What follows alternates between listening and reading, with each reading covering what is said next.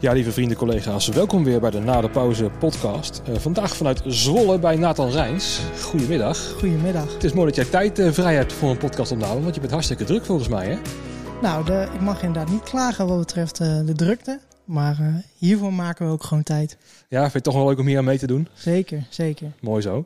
Ben je ook uh, trouwens geboren en getogen hier in Zwolle? Ben je een uh, lokale held? Of? Nou, lokale held, dat, dat durf ik mezelf zeker niet te noemen. Maar ik ben geboren in Hattem en ja, dat is een beetje het, het voorland van Zwolle. Het is dat er een rivier tussen ligt, anders dan had Zwolle het al opgeslokt. Maar nou, mijn middelbare school altijd in Zwolle gehad. Dus het voelt toch een beetje als uh, mijn tweede thuis. En ondertussen woon ik er zelf ook. Dus uh, okay. nu is het daadwerkelijk mijn thuis geworden. Kijk eens aan. Ben je ook opgegroeid bij Hedon hier, uh, hier in de buurt? Ja, ik ben zeker bij Hedon al van jongs af aan geweest. Dus die plek ken ik goed. Oké. Okay. Kom je daar nu nog steeds als zijnde ook fotograaf? Of is dat... Nee, nee niet, eigenlijk, eigenlijk niet zo vaak meer. Ehm, aan het begin van mijn carrière als fotograaf ben ik daar wel geregeld geweest. Ehm, maar de laatste tijd ja, niet. Nee. Niet okay. in de rol als fotograaf in ieder geval. Nou, mocht het nog niet duidelijk zijn, jij bent fotograaf. Precies. ik, uh, ik spreek normaal gesproken niet zo heel veel fotografen vanwege ook mijn werk dat ik met backline bezig ben. En ja, dan, dan zitten we niet in elkaars vaarwater in feite. En ik heb je ook bijna nooit nodig of zo om uh, iets te doen. Want een fotootje maak ik vaak zelf van, uh, van de backline als ik dat zou willen. Dus ik vind het leuk dat je in ieder geval uh, hier ook de tijd voor uh, vrijmaakt. Want dan wil ik ook vanuit jouw kant een beetje kijken hoe, uh, ja, hoe het vak er nu uitziet in feite. Ja. want voor mij is het nog steeds relatief rustig, moet ik zeggen. heel veel dingen zitten er aan te komen, want Lowlands dreigt door te gaan. Zo waar. Um, maar voor jou is het een totaal ander verhaal eigenlijk geweest. Hè? Want wat ik heb begrepen is dat je bij ook 3 voor 12 of bij 3FM aan het werk bent geweest. Um, Klopt. En daarna ben je ook gewoon doorgegroeid als zijnde ZZP'er? Of wat is het verloop geweest als zijnde jouw uh, vroege carrière, om zo maar te zeggen? Ja, na mijn, uh, na mijn opleiding, wat een opleiding was in de hoek van marketing, communicatie, multimedia, dat soort zaken, ben ik eerst bij 3FM in dienst gegaan. daar heb ik een jaar gewerkt als contentstratege. Dus samen met het team bedachten we wat we gingen doen met socials en met website. En wat, wat zijn de verhalen die we willen vertellen. Um, en um, tijdens mijn stage op mijn opleiding ging ik, uh, nou ja, mocht ik uh, fotograferen. Um, en dat is een beetje doorgaan, uh, doorgaan groeien. En vervolgens heb ik dat bij 3FM mogen doorzetten naast mijn functie. Ja, uiteindelijk liep dat dusdanig uit de klauwen dat dat, dat, dat fulltime kon en voor mezelf. Oké. Dus dat, uit mijn hoofd is dat nu drie jaar geleden geweest. Dus relatief nog een kort tijdspan als ik dat zo hoor. Ja, het was, uh, ik geloof 2016 dat ik uh, mijn eerste concert uh, fotografeerde. Dus nou, een jaar of vijf, vier à vijf bezig nu. Ja. Waarvan er drie serieus. Oké. Okay. Was het destijds bij 3FM al dat Instagram stories en zo helemaal in waren qua strategie? bedoel je ook dat? Of? Ja, ja, zeker. Um, achter elke, elk social kanaal zat wel een plan van hoe zetten we dit in en wat willen we hier benadrukken. Dus ja, daar daar was Instagram Story wel een onderdeel van. Ja, die zie ik wel eens voorbij komen. Dus vandaar dat ik al uh, daar benieuwd naar ben. Ja. Um, blijkbaar dus een heel breed vlak waar je uh, op hebt gestudeerd of waar je interesse in ieder geval ligt. Hoe is het zo gekomen dat je echt wel richting fotografie ging? Is dat iets wat je altijd al meer hebt geïnteresseerd? Of was dat ja, een, een, een samenloop van omstandigheden? Ja, echt dat laatste. Het is een beetje per ongeluk gegaan. Um, ik, bij nader inzien heb ik fotografie altijd wel interessant gevonden. Um, in, in, toen ik op de basisschool zat, heb ik in groep 6 al van mijn eerste zakgeld uh, uh, een eerste camera gekocht. Waar ik uh, bloempjes mee fotografeerde en de vakanties. Dat soort zaken. Dus ik heb daar altijd wel iets mee gehad. Um, toen een periode helemaal niks. Um, en ik geloof dat het ergens, nou ja, ergens eind middelbare school en begin van mijn studie toen weer eens een keer een camera gekocht heb. Um, wederom voor hetzelfde doeleinde, gewoon vakanties en dat soort zaken. Um, en het was tijdens mijn uh, stage bij Friendly Fire, de boekings- en managementkantoor in Amsterdam, en organisator van onder andere Best Kept Secret, um, dat we twee shows hadden in uh, Live en eentje in de Ziggo Dome. en we hadden een marketingvergadering van nou, wat, wat gaan we doen uh, met social media. nou, daar kwam uit. Het is leuk als we een, een, foto kunnen delen na de show om mensen te bedanken voor hun komst. en ik was de stagiair die wel een camera thuis had. Dus dat, dat werd mijn taak. Ja, en toen, toen zag ik de andere fotografen om mij heen daar in de fotopit. En toen dacht ik, hey, dit, is, dit is wel heel vet. Dit is tof. En, en blijkbaar kun je gewoon als volwassen man hiervan leven. want ik ging er gewoon vanuit dat de, mijn collega's daar dat ook zo deden. Um, dus toen ben ik me daar dieper in gaan, gaan verdiepen. Um, ja, ben ik op onderzoek uitgegaan van hey, uh, hoe kan ik hier wat beter in worden en wat is daar dan voor nodig? Nou ja, zo is het een beetje gaan groeien. Is het voor jou ook destijds al duidelijk dat je andere fotografen zag en hun werk, dat je dacht, hey, ik heb een andere stijl, ik, ik ga een andere kant op? Of was dat toch net helemaal niet ter sprake? Nee, nee, dat, ik, ik was al lang blij als ik gewoon een foto scherp had. Okay. Dus dat, nee, daar, daar was ik nog niet zozeer mee bezig. Um, ik geloof ook niet dat dat heel goed werkt om heel geforceerd op zoek te gaan naar een eigen stijl. Ik denk dat dat iets is wat zich ontwikkelt. Uh, ik merk bij mezelf dat dat zich nog steeds ontwikkelt. Um, er zijn gewoon projecten die vind je leuk. Er zijn projecten die je minder leuk vindt. Nou ja, dan is het aan jezelf om te reflecteren waarom dat dan zo is. En proberen dan de dingen die je leuk vindt meer te blijven doen. Uh, en daar dan toch een beetje je stijl in te ontwikkelen. Ja. Um, en voor mij neigt zich dat meer naar de technische kant van producties. Dus uh, ik werk veel voor technisch leveranciers. En uh, nou ja, dat, dat, dat kun je definiëren als zijnde mijn stijl. Mm -hmm. um, maar goed, dat is dus iets wat groeit. En daar was ik op het begin nog niet zo druk mee. Was ik al lang blij als het me lukte om bij een concert binnen te komen en foto's te mogen maken. Nou, en dan op de tweede basis was ik al lang blij als een foto vervolgens scherp was. Um, dus daar, uh, ja, daar was ik nog niet zo heel veel mee bezig. Nee, wat bedoel je dan precies met technisch? Uh, nou, uh, als je bijvoorbeeld een Lowlands neemt, um, ja, alles wat daar staat, wordt geleverd door een partij. Um, en je kunt je heel erg blijven focussen op alleen maar het poppetje op het podium, wat, wat daar zijn, zijn, zijn act opvoert. maar ik vind het ook heel interessant om de front of house op de foto te zetten, of om de cameraregie erop te zetten, of in de underworld te lopen en daar uh, allerlei processoren of flight cases, wat, wat er ook maar staat, om ook dat onderdeel uh, van een festival mee te pakken. Uiteindelijk is dat wat, het, uh, wat ervoor zorgt dat de boel staat. Ja, 100% waar. Want wij zitten er echt middenin natuurlijk. In dat uh, ja, uh, op de achtergrond werken om de show mogelijk te maken. Maar toch zie je het niet vaak dat, dat, dat je daar foto's van, van crew voorbij ziet komen. En dat was dus mooi bij het Songfestival. Dat dat misschien een van je taken was om juist de backstage in beeld te brengen. Ja, klopt. Um, ik, ik ben dat sowieso wel gaan zien als, als een soort van mooie rol voor mezelf. Om, uh, om met mijn werk gewoon te laten zien van wat er komt kijken bij het produceren van events. Dus uh, of dat nou het Songfestival is, of uh, avond van de filmmuziek in de Ziggo Dome, of uh, een concert in, in Tivoli, noem maar wat. Ik probeer altijd wel het totaalbeeld te vangen. Dus niet alleen maar foto's op te leveren van de artiest, maar ook crew die aan de zijkant staat, of front of house, of nou ja, sterk nog barpersoneel.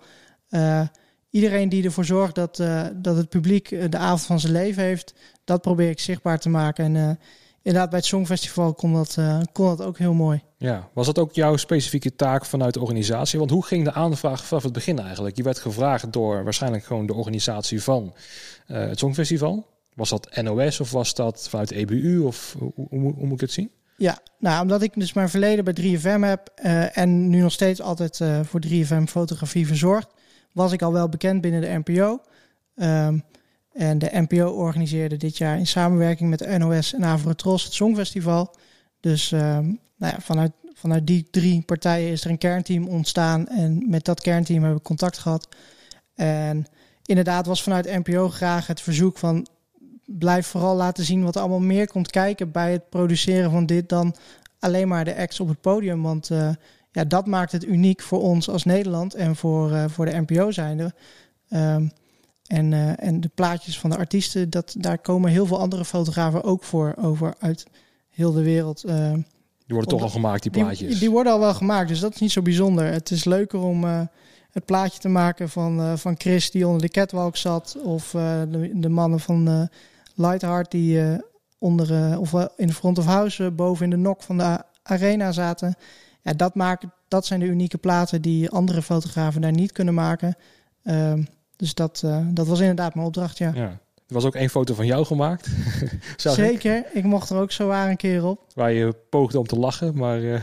ja, ja, dat was de, ik geloof de, de, laatste dag. Dus een paar uur voor de laatste grote finale. ja, toen was het energiepunt wel redelijk laag ondertussen. Dus uh, dan forceerde ik nog een glimlachje mhm. voor mijn eigen portretje eruit, inderdaad. Ja. Uh, hoe lang ben je met het project bezig geweest? Want het lijkt me dat voor de buitenwereld uh, alsof het maar, ja, zou het zijn één dikke week is. Maar het is natuurlijk veel langer traject. Ja, zeker. Um, ik moet even terugdenken. Volgens mij heb ik ergens net voor 11 april een eh, soort van mijn eerste onderdeel meegepakt. En dat was het, uh, het programmeren van de lichttafels en de lichtshows in de Ziggo Dome. Ehm, en op 11 april is de load-in gestart in Ahoy. Nou, sindsdien ben ik er zo'n drie à vier dagen in de week geweest. En vanaf 8 mei was het uh, elke dag tot en met de 23ste. Dus dat zijn twee volle weken nog daarna achteraan geplakt. Dus daar zijn we vanaf, vanaf april tot en met eind mei eigenlijk uh, zoet mee geweest. Lijkt me toch wel heerlijk hoor, om zo lang met iets bezig te zijn. Ja, ja, nou, ik moet zeggen dat was ook wennen. Want normaal gesproken uh, zijn mijn klussen heel kort. Weet je, je komt s ochtends binnen uh, bij een evenement bijvoorbeeld en je, en je gaat s'avonds weer naar huis en uh, s'avonds edit je nog wat of de volgende dag en dan is het weer klaar. Um, dus het is ook wel, het is ook wel wennen en dat vraagt wel een andere, andere werk, Werkwijze. ja, andere werkwijze dan wat ik normaal gesproken kan hanteren. Um, moet veel geduldiger zijn. Uh, veel meer de tijd bewaken van wat doe ik wanneer. En uh, ja, dat, dat maakt het best wel een uitdaging. En uh, je bent soms voor 80% ook gewoon projectmanager dan opeens op je eigen werk. en dan moet je ook nog zelf de foto's maken. Dus dat was wel, dat was wel interessant om op die, op die manier mee te maken. Ja. ja, lijkt me wel ook intens. Want ik, kan me nog herinneren dat jij echt postte van nou, nu ga ik eventjes... Uh, of dat was hier de e-mail volgens mij. Van nou, sorry dat ik wat zo laat e-mailde, maar ik moest even bijkomen van de hele klus. Ja. Uh, want ja. Het, het wel uh, behoorlijk wat energie weg. Op ja, einde. ja, je bent uiteindelijk gewoon die, die laatste twee weken gewoon elke dag in Ahoy. En dat is elke dag een, een lange aantal uren maken. En dan daarnaast nog uh, je editwerk doen en soms wel of niet uh, op en neer naar huis. Um, dus dat zijn slopende dagen. En uh, wat denk ik nog wel eens onderschat wordt, is dat wat betreft fotografie is het niet alleen je fysieke meters die je op een dag maakt. Maar je bent ook constant in je hoofd plaatjes aan het fabriceren. Dus je bent de hele tijd het rondkijken, scannen wat gebeurt in de zaal. Um, en vervolgens in je hoofd een soort van voorstelling maken van... hé, hey, wat kan ik hier maken Um, dus het, het vreet ook best wel aan je, aan je energie voor je hersenen. Dus het is soms best wel lekker om na een klus even een dag niks te hebben, zodat je weer met frisse, frisse zin uh, er weer tegenaan kan. En anders dan uh, ja, kun je in de valkuil trappen dat je een beetje je makkelijk ervan afmaakt of gewoon niet meer, niet meer goed de plaatjes voor je ziet. En nee. daardoor gewoon een beetje inspiratieloos rondloopt. Ja, die hele focuspunten worden dan anders, omdat je de hele dag waarschijnlijk gefocust moet zijn.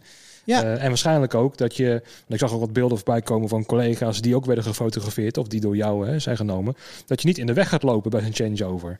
Dat lijkt me dan ook een dingetje. Dat ja. je dan misschien wel perfect daar staat, maar dan komt de volgende collega al met een lamp aanlopen. Ja, ja nee, dus je, je, je ben, moet je van heel veel dingen bewust zijn. Uh, en inderdaad, je, uiteindelijk sta je wel bij de grootste tv-productie ter wereld. Uh, dus het laatste wat je wil is dat je ergens in shot staat. Um, dus naast dat je bezig bent met het creëren van plaatjes in je hoofd uh, en het daadwerkelijke fotograferen, um, ja, moet je ook opletten dat je niet in de weg staat en uh, dat je op tijd op je volgende plekje weer bent. Um, dus dat was best intensief. Um, en uh, ja, dat dan twee fulltime weken plus de, de, de aanloop die er al voor zat maakte wel dat een eh, weekje vakantie even geen kwaad kon. Nee, dat snap ik heel goed, ja.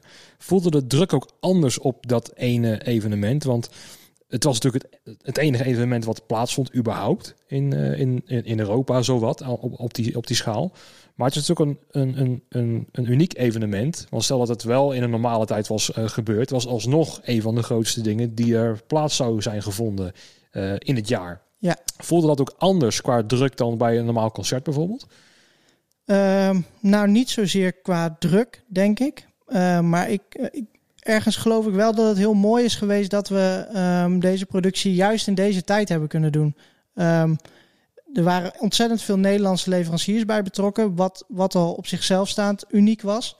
Um, en uh, daarbovenop. Uh, sorry, ik raak een beetje. Ja, nee, het licht gaat hieruit. Uh, dat, uh, het maakt trouwens voor mij niet zoveel uit hoor. We gaan, wat mij betreft, gewoon lekker gaan, door. We gaan gewoon door. Ja. Nee, dus dat maakt het al uniek dat er heel veel Nederlandse leveranciers bij waren. Maar omdat je ook niet de ruis hebt van allemaal andere evenementen die er nog omheen gebeuren.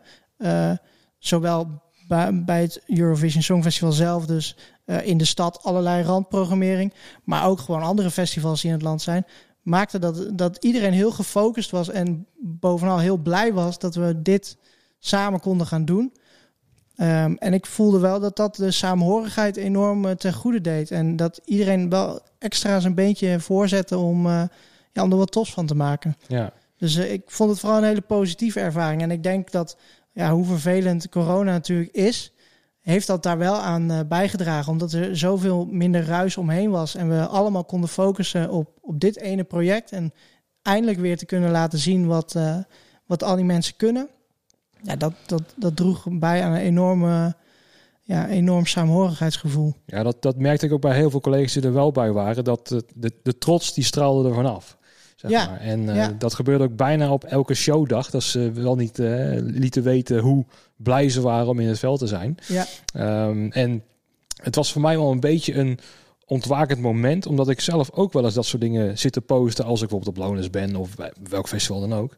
Um, en nu ook als buitenstaander begon ik me daar, maar dat is dus meer intern voor mij, maar Mhm. begon ik me daar aan, aan te irriteren van ja, nu weten we wel dat je erbij bent en uh, weet je wel. Ja. En, is dat dan toch een stukje FOMO? een deel wel. Kijk, het heeft altijd met jezelf te maken. Dus uh, als je iets anders niet, niet iets gunt, het heeft altijd met te maken dat jij iets tekort komt. Dat, zo denk ik er dan over.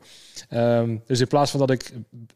Natuurlijk was ik, vond ik het leuk voor diegene dat ze erbij waren. Ja. Als ik er zelf bij ben, ja, dan, dan voel ik dat hetzelfde. Maar omdat je er niet bij bent, zit je ook niet in het moment en de kracht die je dan Nee. in zo'n Facebook-post ziet of zo. En, Ja.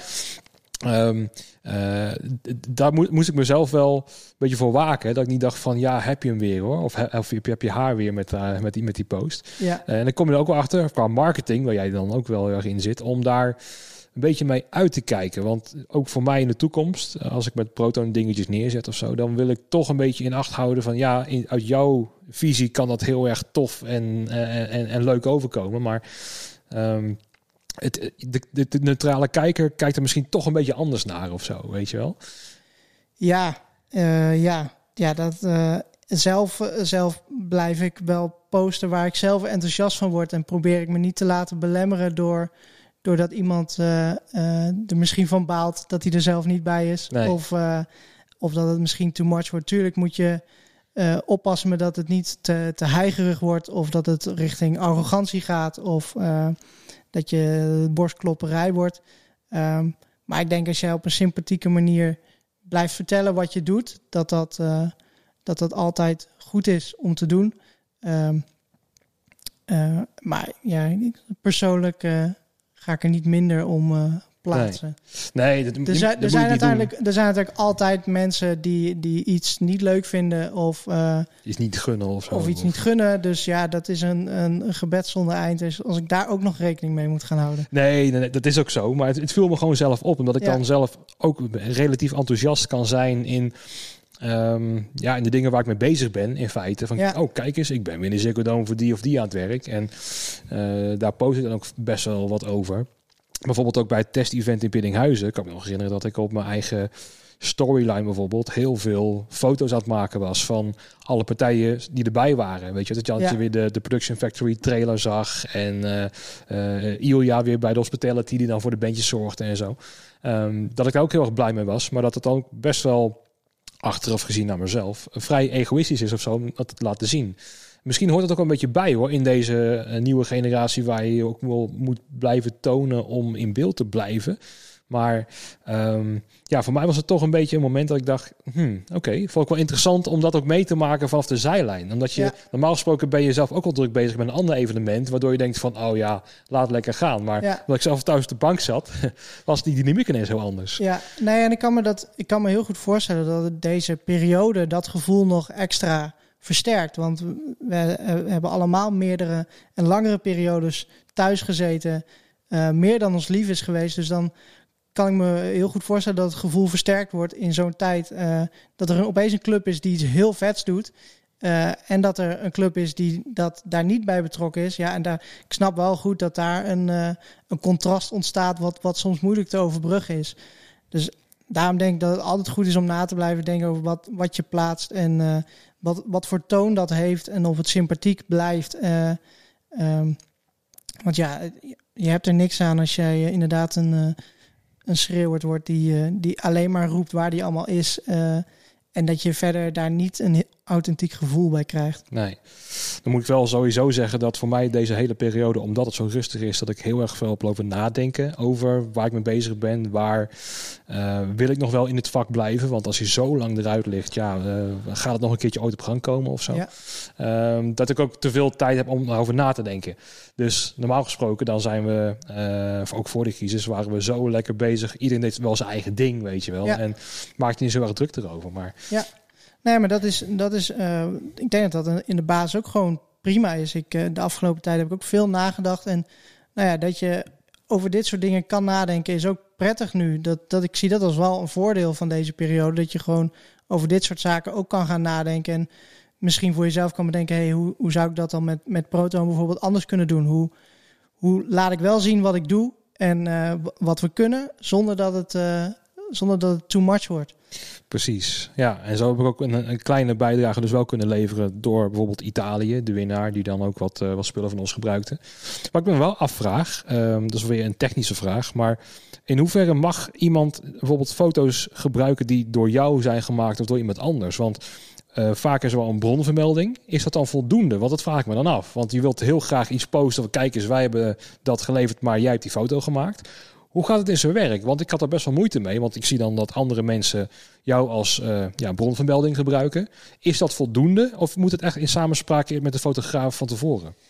Ik denk dat het, eh, dat het altijd goed is dat iedereen er vast van uitgaat dat het in samenspraak moet met de fotograaf. Dan zit je altijd goed. Ehm, er zijn soms situaties dat eh, foto's vrij ter gebruik zijn. dat het als persmateriaal wordt aangeboden door bijvoorbeeld de organisatie. Dan werkt het iets anders. Ehm, maar in het geval van bijvoorbeeld leveranciers, eh, eh, wat je rondom het Songfestival hebt gezien, dan is de kans vrij aannemelijk dat dat wel afgenomen is bij mij en in samenspraak is gegaan. Ehm, dus dat is wel. In principe moet je het altijd checken met een fotograaf. En is het van internet halen en een bronvermelding erbij zetten, is niet, is niet afdoende. Nee.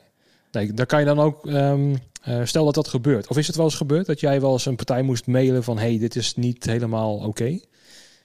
Dat gebeurt, eh, dat gebeurt best geregeld. Dat, je, eh, dat partijen foto's delen waar, die je bij een productie hebt gemaakt, bijvoorbeeld. Ehm, ja, dat je, dan moet je toch even afvragen: oké, wat, wat ga ik hier precies mee doen? Ehm, soms laat ik het gaan. Soms dan ga ik er toch even achteraan. Maar over het algemeen probeer ik daar constructief uit te komen. Ehm, je hebt er eh, fotografen bij zitten die eh, zonder, eh, zonder enig overleg gelijk een factuur sturen. Ehm, dat doe ik eigenlijk niet. Ik probeer eerder in overleg te gaan van... hé, hey, blijkbaar vind je mijn foto's tof. Ehm, dat kunnen we ook gewoon in een, in een mooie samenwerking gieten... waarbij je nog veel meer hiervan kan krijgen. Ehm, dus ik probeer er meer voor de lange termijn dan wat uit te halen... in plaats van dat je op korte termijn wat knaken hebt verdiend. Snap ik heel goed. Want bijvoorbeeld die, die foto die ik uiteindelijk bij heb afgenomen... die eh, van de winnaar van Italië... die had ik al eigenlijk blijkbaar achteraf illegaal eerder op LinkedIn geplaatst. Hè? Dus, uh, maar ik heb hem betaald. ik heb betaald, mensen. Um, maar dan begon ik al een beetje op glad ijs. Want dan, ja, dan wil ik toch iets posten dat we erbij zijn. Uh, want ik was er fysiek letterlijk niet aanwezig. Ja. Dus ik kan zelf die foto niet nemen. Um, dat is toch wel lastig. Want stel je bent ook freelancer, je hebt daar gewerkt en jij wordt in beeld gebracht. Ik zeg maar wat, hè. jij bent iets op het podium aan het duwen. Um, en je wil die foto gewoon gebruiken. En je ziet hem gewoon voorbij komen en je spontaan deel je hem gewoon. Ja. Dan kan ik me ook wel voorstellen dat, dat, ja, dat er geen kwade bedoelingen achter zitten. Of dat ze iets willen toe-eigenen of zo. Of uh, ja, Nee. dan kan ik me voorstellen dat het gewoon uit een spontaniteit gebeurt en dat ze niet bij stilstaan. Ja, nee, dat, dat kan ik me ook heel goed voorstellen. Daarom maak ik zelf wel onderscheid in eh, wie het gebruikt en met welk doeleinde. Kijk, is het, een, is het een bedrijf wat zijn of haar diensten wil promoten?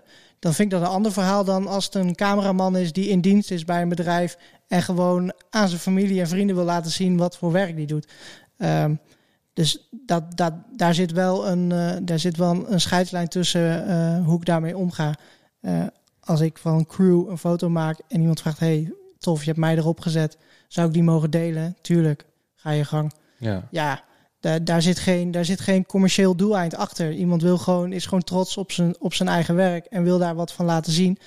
Ehm, kijk, en wordt het een bedrijf wat, wat gewoon aan de slag gaat met je foto's voor advertenties om, of om zichzelf op wat voor manier verder te vermarkten.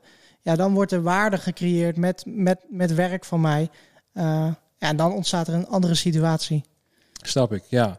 ja, toch lijkt me dat altijd toch wel... Ja, dan gaat van alles hier... eh, Ja, dit gaat weer helemaal mis. Nee, zullen we even een kleine break doen? Ja. Oké, bij deze. Tot zo. Zo, even een korte break gehad. Moet even de tv weer even aanslingeren hier zo. We waren bij, bij rechten bezig. Ehm, is, dat, eh, een, een, een, een, ehm, is dat meer een gevoelskwestie, zoals je nu dat schetst? Of is dat ook wel een soort van gouden regel voor eh, fotografen over het algemeen? Of heeft iedereen zijn eigen regels daarin? Nou, dat laatste is zeker het geval. Elke fotograaf heeft daar zijn eigen regels mee. ehm, en gaat er op een andere manier mee om. Dus daarom is het in de basis altijd goed om het gewoon te vragen en te checken. Dan weet je zeker dat je, dat je goed zit.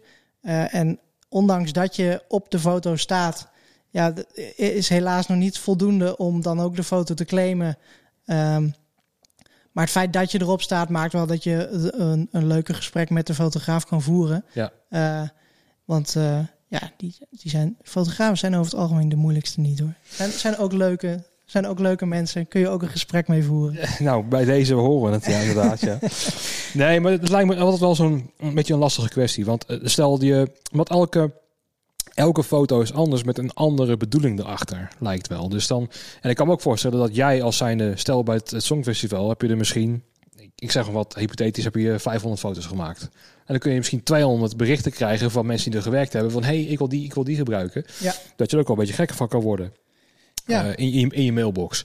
Zo van, ja, hallo, eh, ik, dit is gewoon de afspraak die ik gemaakt heb en eh, laat het erbij. Ehm, maar toch zeg je, ehm, ja, laat het in ieder geval van je weten. Neem contact met me op en dan kunnen we kijken wat we kunnen doen. Ja, en, eh, en natuurlijk afhankelijk van hoe druk ik ben, kan het zijn dat het niet gelijk dezelfde dag de foto in je mail zit.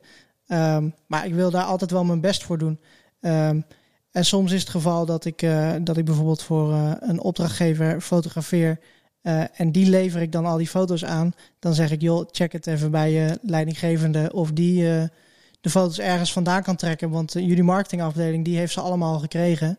Ehm, dus dan probeer ik het ook via die route. want uiteindelijk wil ik mijn opdrachtgevers daar ook niet in passeren. Misschien hebben zij een idee bij wat ze willen doen met die foto's. Ehm, ja, dan vind ik het niet aan mij om, aan, om, om via een andere route al foto's weer extra te verspreiden. Ja. Nee, het is ook met bijvoorbeeld rechten kwestie van, van muziek en zo, is het ook altijd lastig om. ehm, want ook nu ook in podcastland is volgens mij ook weer aan de hand dat eh, sommigen die maken een podcast over nieuwe muziek die uitkomt bijvoorbeeld. En omdat daar dus niet echt rechten over betaald worden, moet dat uit de lucht worden gehaald. Ehm, terwijl het gewoon een nieuw medium is om, ehm, eh, om nieuwe muziek te laten, laten promoten. En Ja. normaal gesproken op de radio is dat ja, heel strak geregeld met Buma eh Sena bijvoorbeeld. Maar in een podcastversie is dat heel erg anders. Terwijl je kan het ook benaderen vanuit de, de podcastmaker. hey, ik maak promotie. Hey, ik draag alleen maar juist mooie nieuwe muziek aan. Dat het juist meer verkocht en beluisterd of meer gestreamd kan worden. Dus dat blijft Ja. altijd een beetje ehm, eh, lastig om dat eh, ineens goed af te kaderen of zo. Zeker als er dan nieuwe media zijn, zoals bijvoorbeeld een Instagram of zo. Ja, ja, ik vind dat wel een lastig eh, punt. Want dan daarmee stel je wel dat zichtbaarheid en dus exposure iets gaat opleveren voor de maker. Ehm, en dat gebeurt toch eigenlijk maar heel zelden. Daarvoor overschatten heel veel mensen, denk ik, dan het bereik wat ze hebben en hoe, ehm, ja, hoe lucratief dat bereik is. Ehm, dus Ja, ik vind dat altijd wel een, een moeilijk thema ehm, om, om, het, om, het daarop, uh, om het daarop te gooien. Um, maar neem niet weg dat het lastig is met een, uh, een nieuw platform als podcasting, uh, waar dan nog geen scherpe regelgeving voor is. Dat je ja, daar soms frictie krijgt van hoe, hoe gaan we hiermee om en kunnen we snel iets afspreken zodat alle partijen blij zijn. Want dat lijkt me in de basis gewoon het, het doel. Ja, absoluut. En zeker bij podcasting merk ik dat het juist vanuit een soort van liefde komt voor muziek. En waardoor ze niet eens benadenken en denken, ja, ik ben hier gewoon alleen maar heel blij mee dat ik weer iets kan, kan uh, uh, met mijn passie bezig kan zijn of zo. Ja. En uh, dat, dat zal denk ik ook voor heel veel mensen zo gelden of zo. Dat, het, dat er heel, helemaal geen kwaad uh, kwaad achter zit of zo. Ik kan bijvoorbeeld ook indenken in dat iemand uh, zegt van ja, hallo, je hebt op het Songfestival bij vier, vijf weken lopen, lekker lopen vangen. je hebt toch al je geld binnen, bij wijze van. Ja. Maar dat, dat, dat, dat, als het vanuit jouw kader wordt bekeken, is natuurlijk een heel ander verhaal. Ja, ja, nee, dat klopt. En, en ehm, maar het, als je dan het Songfestival als voorbeeld neemt, het feit dat er, dat er misschien andere opdrachtgevers inderdaad ook al betaald hebben. Ja, dat, dat neemt niet weg dat er met een andere klant gewoon een nieuwe situatie ontstaat. Uh, en het product is er nog steeds. Ja, uh, ja dat, is, uh, dat is hoe het werkt. ja. je, je zegt ook niet tegen Miele van... hey, jullie hebben al flink verdiend aan die wasmachines. Er kan er nu wel eentje een keer gratis vanaf. Ja, dat, zo werkt dat uiteindelijk gewoon niet. Nee, misschien wel als je de 500 hebt afgenomen. Dat is een ander verhaal. Ja, nou, ik denk als je de 500 koopt, dan ben je er misschien wel eentje gratis ja. kan krijgen. Ja. Nee, ik denk dat ik het ook het beste kan vergelijken met mijn vak. Kijk, stel, ik ben al op een festival aanwezig. En iemand vraagt alsnog om een gitaarversterker voor zijn, uh, voor zijn optreden, omdat er zijn een stuk is. Um, dan kan ik in feite ook zeggen: Oké, okay, nou, ik heb hier eentje. Uh, je kan hem huren. En dan kan je ook aan de andere kant weer zeggen: ja, maar de organisatie heeft al voor vandaag die versterker betaald. Dus hij is betaald. Ja. Dus het is in feite ook dat grijze gebied. Hoe ga je daarmee om? Ja, zeker. Um, en meestal vanuit een coulance zeg ik dan van... joh, gebruik het ding en maak, uh, uh, heb er veel plezier van... en maak er een, een, goed optreden van. En dan hoop je uit... Uh, ja, dat je terug ontvangt van die band... misschien over drie, vier jaar later... dat ze dan groter zijn geworden, ik zeg maar wat... dat ze dan jou ook dankbaar zijn... Maar zoals je zegt, dat is meestal niet zo. Dan zijn ze al lang weer vergeten. Ja. En zijn al lang blij dat ze de dingen hebben kunnen gebruiken. En oh god, oké, afgestreept en we kunnen naar de volgende weer. Precies. En ik denk dat het ook, uh, ook goed is om het per moment uh, te kijken hoe dat, hoe dat gaat. Uh, ik zit er zelf niet zo heel streng in wat betreft de rechten. Um, er zijn genoeg fotografen die daar veel strikter in zijn. En dat ja, misschien beter of slechter doen. Ja, dat is een beetje om het even. Iedereen doet het op een andere manier. Um, maar deze manier voelt voor mij goed. Ik, ik bekijk het per klant, per situatie aan van hey, wat voelt juist op dit moment. Um, maar als het een, uh, een, een klant is waar ik al veel vaker voor werk, die mij al geregeld inhuurt. Uh, en ik kom toevallig een keer iets tegen, ben op een productie waar ook iets van hun staat. En ik heb dat op de foto gezet, ja, dan, dan doe ik daar ook niet heel moeilijk over. Kijk naar het totaalplaatje in feite. Ja, precies. Dus dat is, het, is ook, het blijft ook aftasten daarin. En het hangt gewoon heel erg af van je relatie met je klanten. Uh, hoe ver je mee wil gaan in uh, een stukje extra. Ja. ja, zo is het wel interessant dat het voor heel veel uh, takken soms ook hetzelfde werkt, maar ook weer anders. Ik bedoel, um, stel nou bijvoorbeeld voor een beentje dat je licht- of geluidsman bent en je treedt twee keer op een dag op. Dan heb je in feite twee keer je gage aan de andere kant, je krijgt per dag betaald. Dus dan kan je misschien ook één keer betaald krijgen. Terwijl de band dan twee keer vangt. Omdat ja. het zijn twee optredens. Ja. Dat is ook wel uh, lastig om dat weer te bepalen of zo, weet je wel. Want wij huren bijvoorbeeld bij Proton iemand voor één dag in. En dat is dan gemiddeld zo'n tussen 10 en 12 uur. Um, ja, dan, dan is dat gewoon afgekaderd voor dat moment, zeg maar. En ja.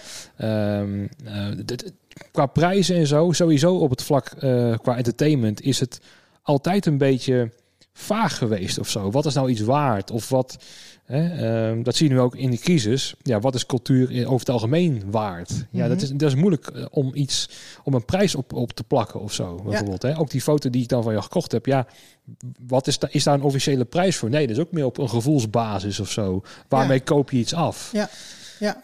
Nee, dat, dat is het inderdaad. Het is, uh, dat zijn, ja... Uh dat, dat ga je inderdaad op de tast, uh, ga je dat af, afvoelen van oké, wat, wat, wat vind ik het zelf waard? Um, En vervolgens uh, kom je er in de markt vanzelf achter of dat uh, marktconform is.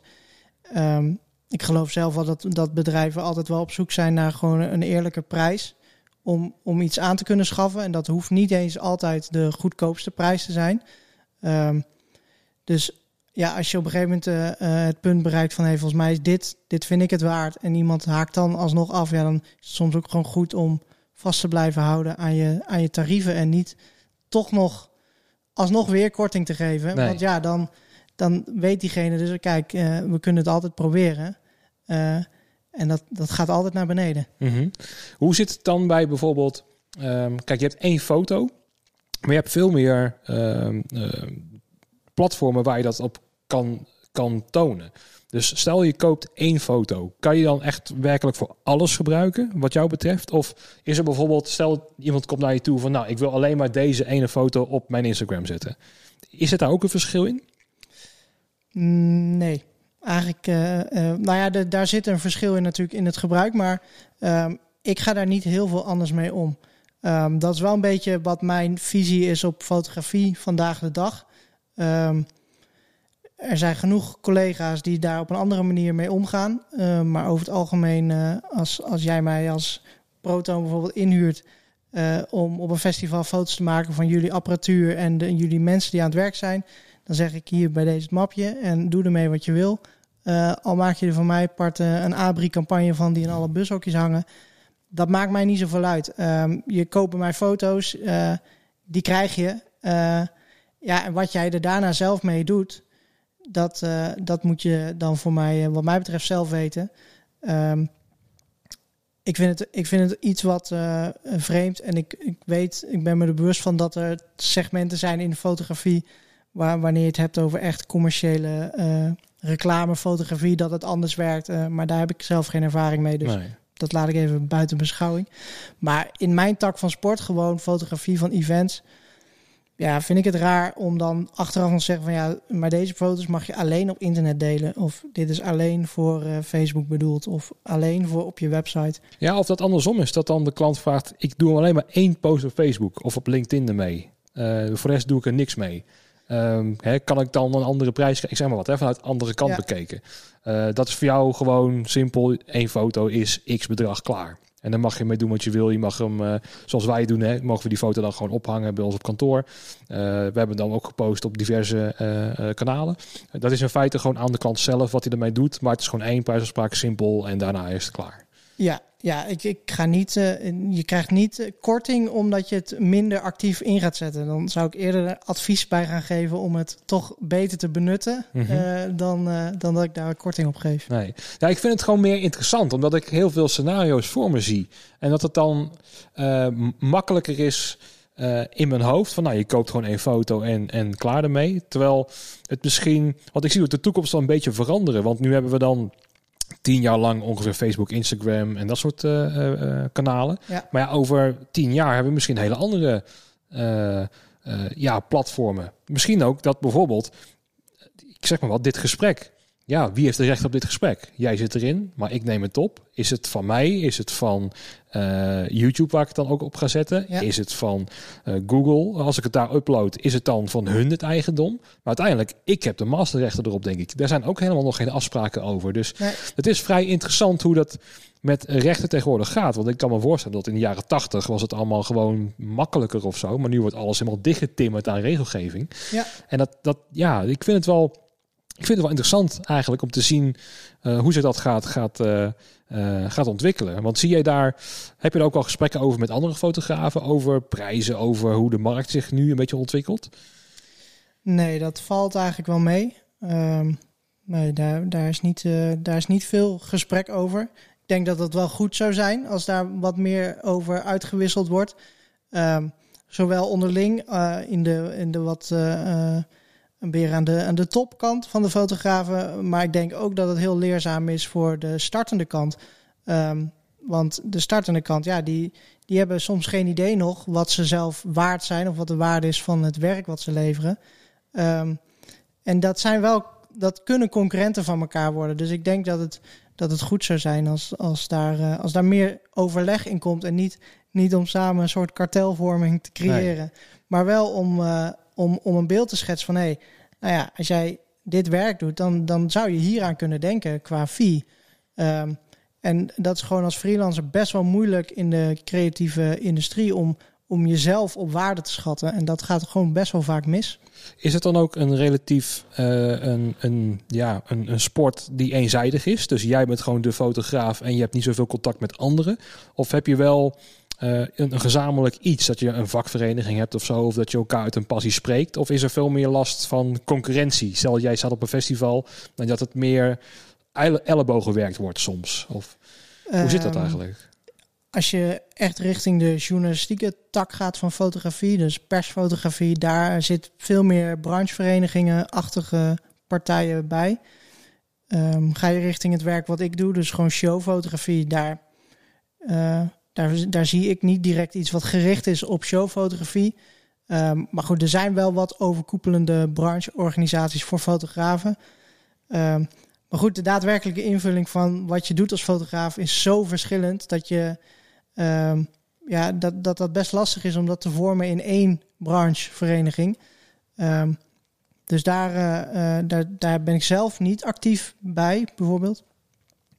Um, ja, en uiteindelijk uh, ben je gewoon, kun je met de ene fotograaf beter overweg dan met de andere. Sommige die heb je gewoon nog nooit gesproken, dus daar heb je geen idee van. Um, dus ja, met de een heb je daardoor ook meer contact dan, dan met de ander. Ja. Maar ik ervaar zelf het het niet echt als ellebogenwerk. Het is toch geen slangenkuil? Het is, niet, het is niet per se een slangenkuil. Ik geloof wel echt dat het moeilijk is om een beetje te aarden in, het, in, het, in, de, in, in de fotografie-business. Um, kan, dat kan best moeilijk zijn. En uh, tenminste, ik heb dat zelf wel als moeilijk ervaren om, ja, om je plekje te vinden zonder dat je actief het brood van anderen afpakt. Mm -hmm. want de markt is uiteindelijk heel klein. er zijn niet enorm veel partijen in de muziekindustrie een evenementindustrie die, die iets doen met fotografie.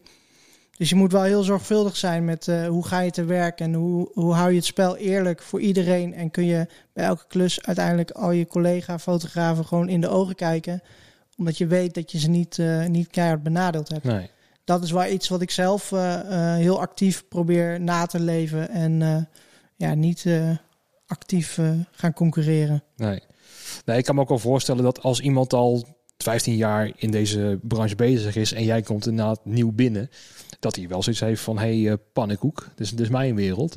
Hè, dat, Ja. dat, dat, dat je dat in het begin wel krijgt en dat je dan een soort van je respect of je plekje moet gaan verdienen. Ja. Hè, want waarschijnlijk zal jij dat over een tien jaar ook gaan krijgen. Dat er iemand, eh, een, een van de snotneus stagiaire ergens begint en ineens ook mooie foto's begint te maken op plekken waar jij komt. En dat Ja. hij ze eens voor, eh, voor scheidprijzen verkoopt. Ik zeg maar wat. Dat kan misschien ook gaan gebeuren. Ja, ja ik, hoop, ik hoop heel erg dat ik niet, eh, niet in die categorie ga vallen. Ehm, maar goed, ja, dan, je weet nooit hoe het leven loopt. Nee. Ehm, maar inderdaad, eh, dat heb ik wel zo ervaren, ja, dat je wel je plekje moet verdienen. En, eh, ehm, ja, en dat leek mij eh, de slimste manier door het eerlijk te spelen en door ieder andere fotograaf en ook dienstwerkgevers eh, en opdrachtgevers ook te respecteren en de relaties die daartussen lopen. Als ik, als ik weet dat jij als fotograaf altijd evenement X fotografeert en ik word opeens daarvoor gevraagd, ja, dan, dan is het een van de eerste dingen die ik doe, is die andere fotograaf bellen en vragen van, hé, hey, ik word hier nu voor gevraagd. Ehm, weet je daar iets van? Ja, hoe, zit dat? Wel, hoe zit dat? Ehm, wat gaan we hiermee doen? Ehm, en dat laat ik ook rustig weten aan, mijn, eh, aan die opdrachtgever dan. Van joh, ik ga dit wel even checken, want ik heb geen zin om ergens opeens tussen te zitten, eh, tussen een gevecht van twee of wat dan ook. Eh, dus ik wil het gewoon eerlijk uitspelen met elkaar en eh, zorgen dat iedereen happy is met wat er gebeurt. Dat lijkt me sowieso erg verstandig hoor. Want eh, als ik dan eh, op backline gebied kijk, ehm, ik kan met de meeste mensen, of concurrenten of collega's, hoe je het ook kon noemen, kan ik wel goed door één deur. Dus dat is wel heel fijn. Want als je dan inderdaad, zoals jij zegt, een festival hebt wat dan eerst de partij X deed en die wordt ineens door jou benaderd, of vice versa. Is het wel fijn om gewoon met elkaar even op te bellen. Zo van, hé, hey, hoe zit dat? Je hebt het jarenlang gedaan. Is er een conflict geweest? Eh, is er nieuw management? Wat is, er, wat is er gaande? Want je wilt ook niet eh, dat dat eh, andersom weer gebeurt. Dat je je weer genaaid voelt of zo. Dat je dan weer... ehm, ja, dat, dat, je, dat je het gevoel krijgt alsof je weer dingen wordt afgepakt of zo, weet je wel. Ja. Maar het lijkt me wel lastig. En ik denk dat dit wel de beste manier is om mee om te gaan hoor. Om gewoon eerlijk naar elkaar te zijn en gewoon ja, vragen hoe het in elkaar zit. Want als, Ja. ik, als ik dan kijk naar bijvoorbeeld andere gebieden eh, in onze tak van sport, bij wijze van spreken audiovisuele bedrijven, daar zijn er ja, honderdduizend van in Nederland. Ja, die zitten op eh, elke millimeter elkaar te beconcurreren, lijkt wel. Ja. Soms. En dan, dan, dan voelt het veel vuiler of zo, weet je wel. En ja. dat wil je natuurlijk niet creëren. Nee ik, nee, ik wil vooral gewoon op een hele leuke manier eh, aan het werk kunnen gaan. En niet s s'avonds in bed liggen en denken van... Oeh, dit was eigenlijk niet, eh, niet chic hoe ik deze klus aangevlogen heb. Of hoe ik die en die behandeld heb. Nee. Daar heb ik gewoon helemaal geen zin in. Heb je het wel een keer eerder gehad? Wat bedoel je? Dat je op het randje zat, dat je er achteraf denkt, hmm, was toch misschien niet zo handig geweest? Of dat het andersom is, dat een fotograaf de, op jouw plek in feite zat? Ehm, ja, dat, ja, uiteindelijk is dat, gebeurt dat wel. Tenminste, dat laatste eh, zeker. Eh, dat je soms denkt van, oeh, eh, ik dacht dat, dat, dat we een, een, een band hadden opgebouwd als opdrachtgever en fotograaf zijnde. Ehm, dus dan, dan zit meer de teleurstelling ook soms daarin dat je zonder iets te horen opeens niet meer benaderd wordt. Dan Mhm. denk ik, nou, je, kijk, ik vind dat ik als fotograaf, ik werk voor mezelf, ehm, daar zit risico aan gebonden. En een risico daarvan is dat gewoon opdrachtgevers gewoon ervoor kunnen kiezen om naar een andere partij te gaan. Daar zijn ze vrij in. Daar zijn ze vrij in. Eh, ik heb niet het alleenrecht op opdrachtgevers. Dus als een opdrachtgever ervoor kiest om jaar X met, eh, met een ander te werken, dat vind ik prima. Maar ik vind het wel fijn als ik daarin meegenomen word. eh, en, en of misschien nog de kans krijg om, om te verbeteren als ze iets anders zoeken. Of in ieder geval erover in gesprek gaan. Dan vind ik het allemaal wel prima. Eh, omdat ik weet dat ik niet het recht heb op, op werk. Eh, Nee. ik heb er zelf voor gekozen om het eh, op deze manier te doen. Ja, dan is dit het risico wat je loopt. En dan is het soms jammer als je zonder te horen ehm, eh, opeens ziet van hé, hey, de oh, dat doet er nu een collega van me. En dan vind ik dat niet altijd vervelend voor die collega, want soms gun ik diegene dan van harte die klus. Mhm. Maar dan vind ik het meer jammer dat blijkbaar mijn relatie met mijn opdrachtgever nog niet op dat level is geweest dat we hierover samen in gesprek konden gaan.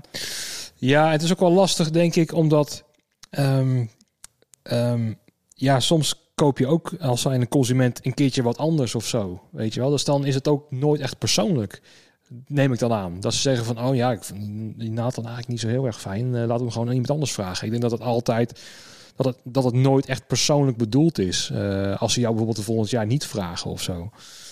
Ja, maar dat is lastig. eh, dat, is, dat- is lastig om dat voor jezelf zo eh, Mhm. te vertalen wanneer jij het product bent. Want uiteindelijk, als jij als opdrachtgever echt alleen maar op zoek bent naar gewoon plaatjes, dan denk ik dat ik in de basis al niet de, de persoon ben die, die voor jou dat moet gaan leveren. Want dat is helemaal niet een basis waarop ik wil werken. Eh, ik ben niet eh, een, een fotografie-slaafje die je kunt inhuren, die zijn dingetje doet. En jij hebt je plaatje en voor de rest heb je geen onderling contact. Ehm, dat is niet wat ik zoek in mijn werk. Ik wil eh, een, een, een waardevolle relatie opbouwen met mijn opdrachtgevers. Zorgen dat we elkaar leren kennen. Ehm, dat ik snap wat voor hun echt relevant is. En op die manier kan ik veel beter mijn werk doen.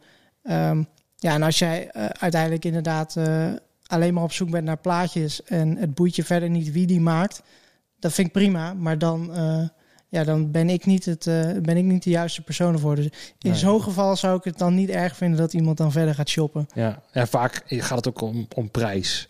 In dat opzicht. Dat, dat maak ik zelf ook als mee hoor, bij Proton. Dat je dan. eh, je hebt vaak wel je eigen vaste klanten in feite. Hè? Dus dan heb je je eigen eh, pool aan festivals waar je naartoe gaat en zo. En soms verlie- verlies je er wel een.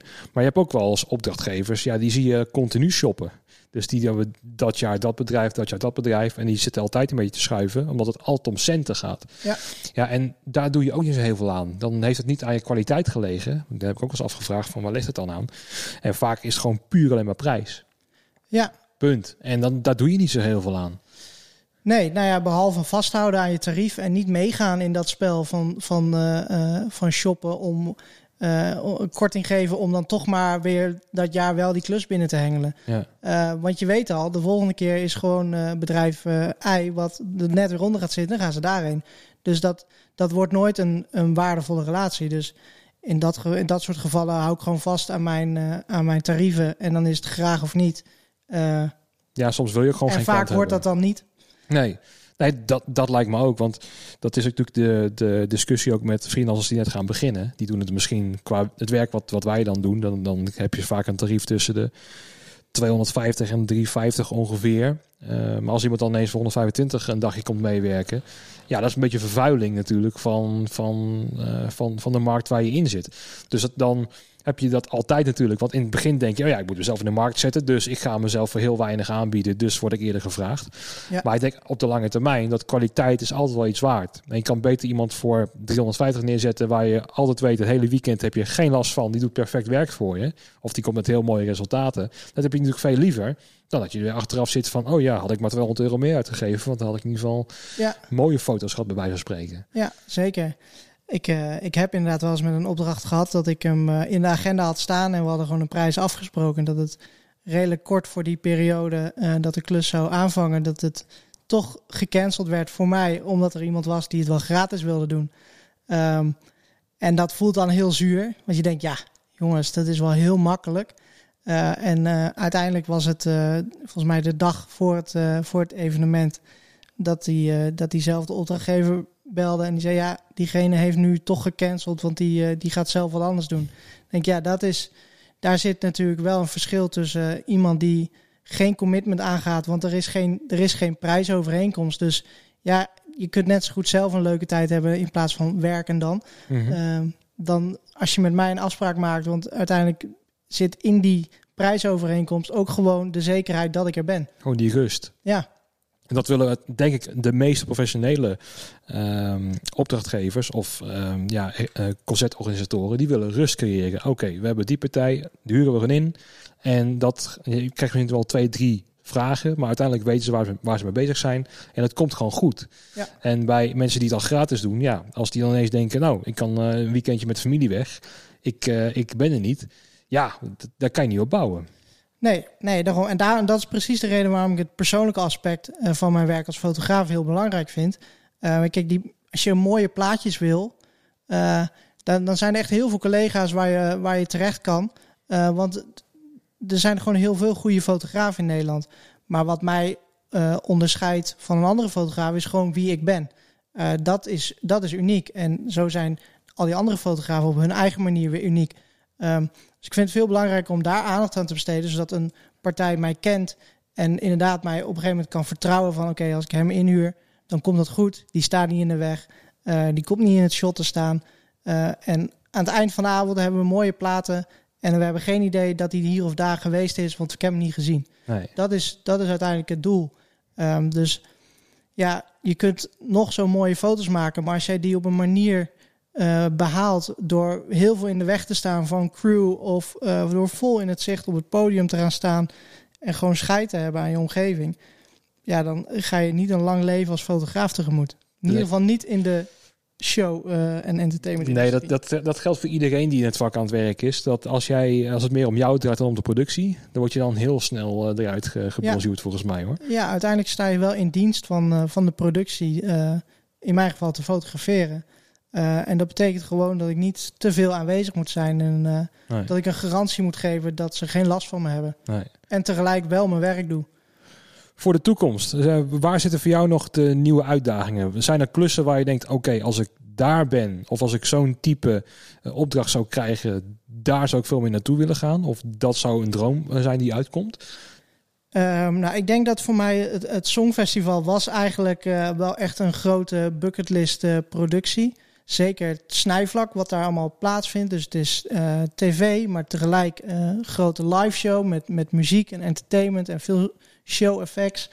Ehm, dus dat, dat was voor mij eigenlijk perfect van wat ik tof vind. Dus ik hoop dat ik daar vooral meer van mag doen, van dat type events. Mhm. Ehm, ik hou best wel van, van binnenproducties, dus waar je controle hebt over wat, wat de bezoeker ziet.